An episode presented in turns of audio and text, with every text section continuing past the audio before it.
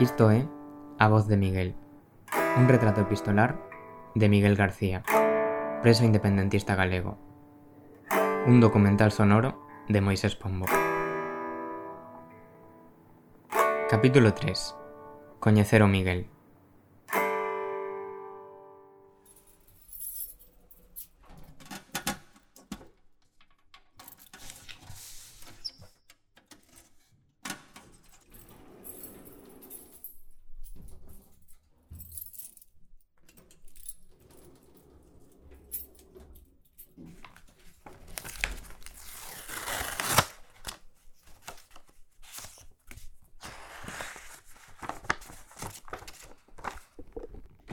está... Sí. Poño a gravar porque chegou carta do Miguel e penso que esta é a mellor, ou seja, de todas as que chegaron, pero sen dúbida. Eu contaralle que andaba mal porque o deixara co, coa miña parella, pero é que a reflexión que fai aquí... Ou seja, que teño que fazer un vídeo para Youtube.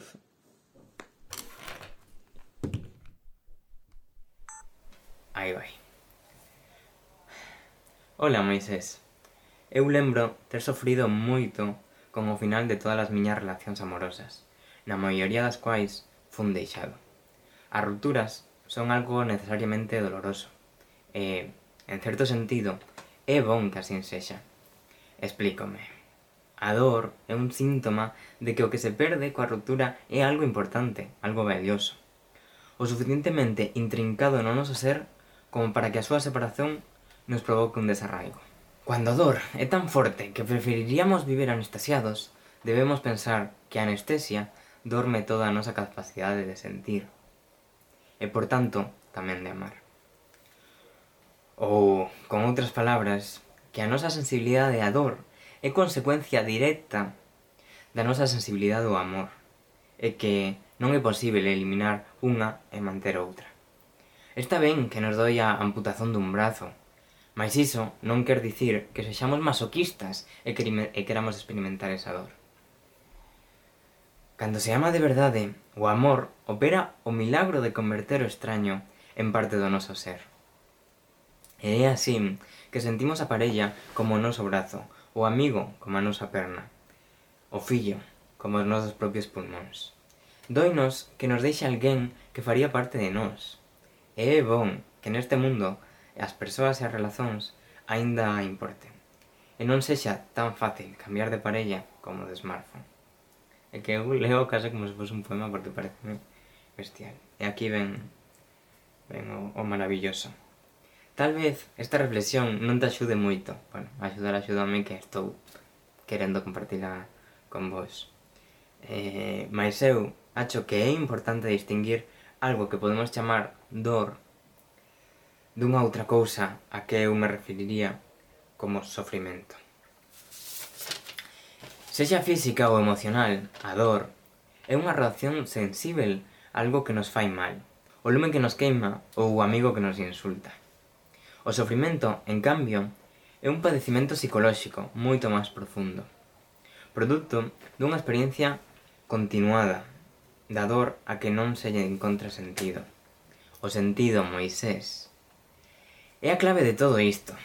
Cando somos capaces de incorporar unha experiencia dolorosa ao sentido da nosa vida, como fai a nai durante as contraccións do parto, o alpinista ante a congelación dos dedos, congelación ah, congelación dos dedos, ou o prisioneiro político frente ao seu cautiverio. Wow. Esta non deixa de doer, mas non chega a fundirnos nese sufrimento ao que me referiría antes. A dor das rupturas sentimentais é dura, mas entendes que fai parte do propio proceso de amar. E atendes o que esa dor che dice sobre como es ti e como te importan as persoas. Tal vez o sofrimento será menor. E xusto cando comecei a, a falar, yo estaba deixando a, a miña moza de, pois iso, sentime eu moitísimo máis axudado do que el do que el, el podía o sea, do que eu lle bueno, recibía máis tamén... do que eu lle daba, non? tamén estamos así en dous momentos da vida moi distintos, non? tú, claro. pois os anos te curten moito. O, os anos e, e, e, a, e a militancia política mm. te curten moito. Mm. Pero bueno, o sea, a estas alturas, con 40 anos, pois eso xa te dá outra perspectiva da vida moi distinta, ¿no? Pois cuatro anos, xa sabes que non son que non son tanto tempo como, como cando pensas en cuatro anos aos 20, non? Por certo, de que música gostas tú? Envíame, se queres, a letra de algunha canción que che goste especialmente. Escoitar música é do que máis extraño. Se teño que escoller unha canción, ten que ser do maestro. Non sei se coñeces, pero Peces de Ciudad encántame. E tamén Juegos de Azar, porque en un momento non me avigo, e sí que creo niso de que a vida volve a xuntarte coa xente cando sexa o momento correcto. Llamaste al timbre para vender libros sobre razas desconocidas. ¿Qué nos sucedió? Que acabamos desnudos jugando abrazados sobre el parquet al juego del amor. ¿Tienes alguna alguna canción, alguna música que te lembre a esos momentos de viajes o a ese ou ao que estás a vivir con, con Miguel? Van pasando, pero non me pidas que cante, eh? e iso que eu canto moito. Miguel sempre me dice que, que, que te gusta de min que, a pesar de cantar tan mal, sempre canto tan forte e tan alto cando, cando vamos, estamos por aí de foliada e tal, o cual bueno, faime gracia porque non sabes moi ben como, como te despedeis. bueno, como acaba de ser 25 e tal, e me lle comentaba o Miguel escribía na última carta que tiven moito, estivo sonando moito na miña cabeza eh, unha canción de Silvio eh, bueno, recito xa eh, hoy mi deber era cantarle a la patria, alzar la bandera, sumar a plaza. Non a coñecía, así que o primeiro que fixen ao colgar a chamada foi buscala. Vale, aquí. Eh... Ah, chamada, sí, hoy mi deber era. Hoy mi deber era. Hoy mi deber era cantarle a la patria, alzar la bandera, sumarme a la plaza. Hoy era un momento más bien optimista un renacimiento, un sol de conquista. Pero tú me faltas. Ostras. Hace tantos días que quiero y no puedo tener alegrías. No. Hoy mi deber era cantar a la patria, alzar la bandera, sumarme a la plaza. Creo que, acaso, al fin lo he logrado, soñando tu abrazo, volando a tu lado. Fíxome graza a túa pregunta sobre que canción escollería para representar os primeiros días na cadea. Graza, porque aquí soa reggaetón estridente a todas horas. Sin que hai polo menos dúas cancións que para min tiveron un significado especial naquele primeiro verao preso, e que non puidendo ouvilas canterexei a miúdo.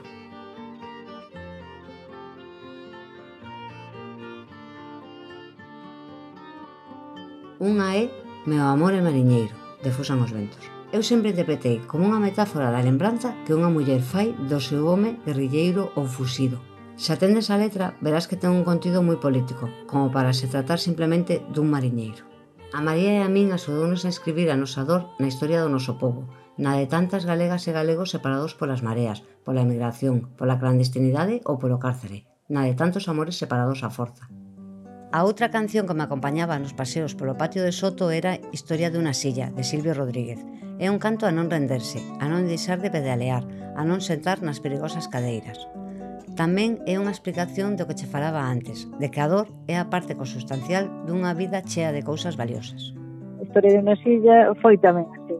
Tema, foi moi banda sonora, sobre todo dos, dos primeiros meses do, do, do Miguel Preso. Eh, lembro de estar escribindo a, a a letra nun parque que hai enfrente de, do cárcere de Soto del Real que parece un parque de Chernóbil porque está ali no medio da nada que pensas que ali non, que ali non randeou unha crianza desde fai, desde fai 30 anos todo abandonado. E, e lembro de estar ali facendo tempo e escrevendo, escrevendo así que mm. que tamén é verdade que outro, bueno, ese é o meu poeta.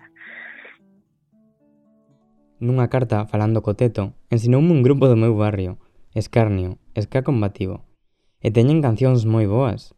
Os poucos, semella co independentismo e os presos, estabades moi preto de min, aínda que eu non me dera conta.